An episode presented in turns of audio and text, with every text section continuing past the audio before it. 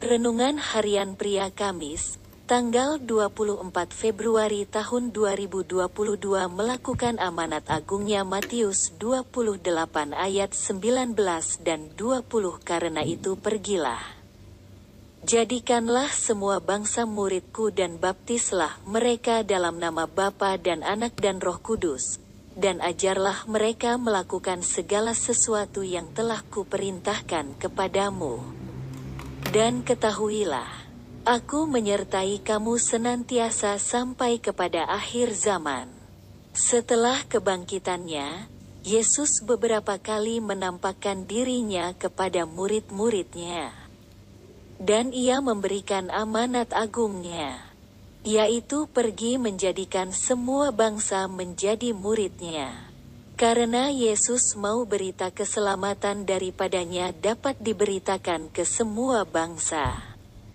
Dan jika kita membaca kisah selanjutnya di kitab kisah para rasul, maka kita akan mengetahui bahwa para muridnya melakukan apa yang telah diperintahkannya kepada mereka.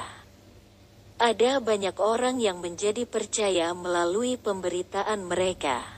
Itu terjadi karena mereka para muridnya bukan sekedar menjadi orang percaya saja, tetapi menjadi murid-murid Yesus.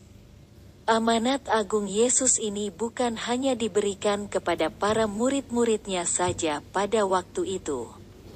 Perintah itu juga diberikan kepada setiap orang yang percaya kepadanya, termasuk Anda dan saya.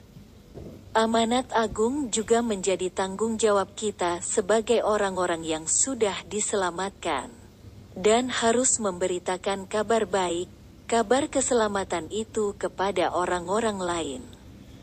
Tuhan mau memakai kehidupan kita di mana pun kita berada. Kata pergi mempunyai arti ketika kita ada di rumah, di sekolah, di kampus, di tempat pekerjaan, dan di mana pun kita ada. Melalui kehidupan kita, banyak orang dapat percaya kepada Yesus dan menjadi murid-murid Yesus.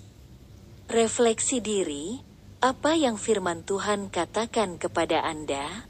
Bagaimana kehidupan Anda dengan firman Tuhan itu? Catat komitmen Anda terhadap firman Tuhan itu. Doakan komitmen Anda itu, pengakuan iman, di dalam Kristus melalui hidup saya. Ada banyak orang menjadi orang-orang percaya dan menjadi murid-murid Yesus.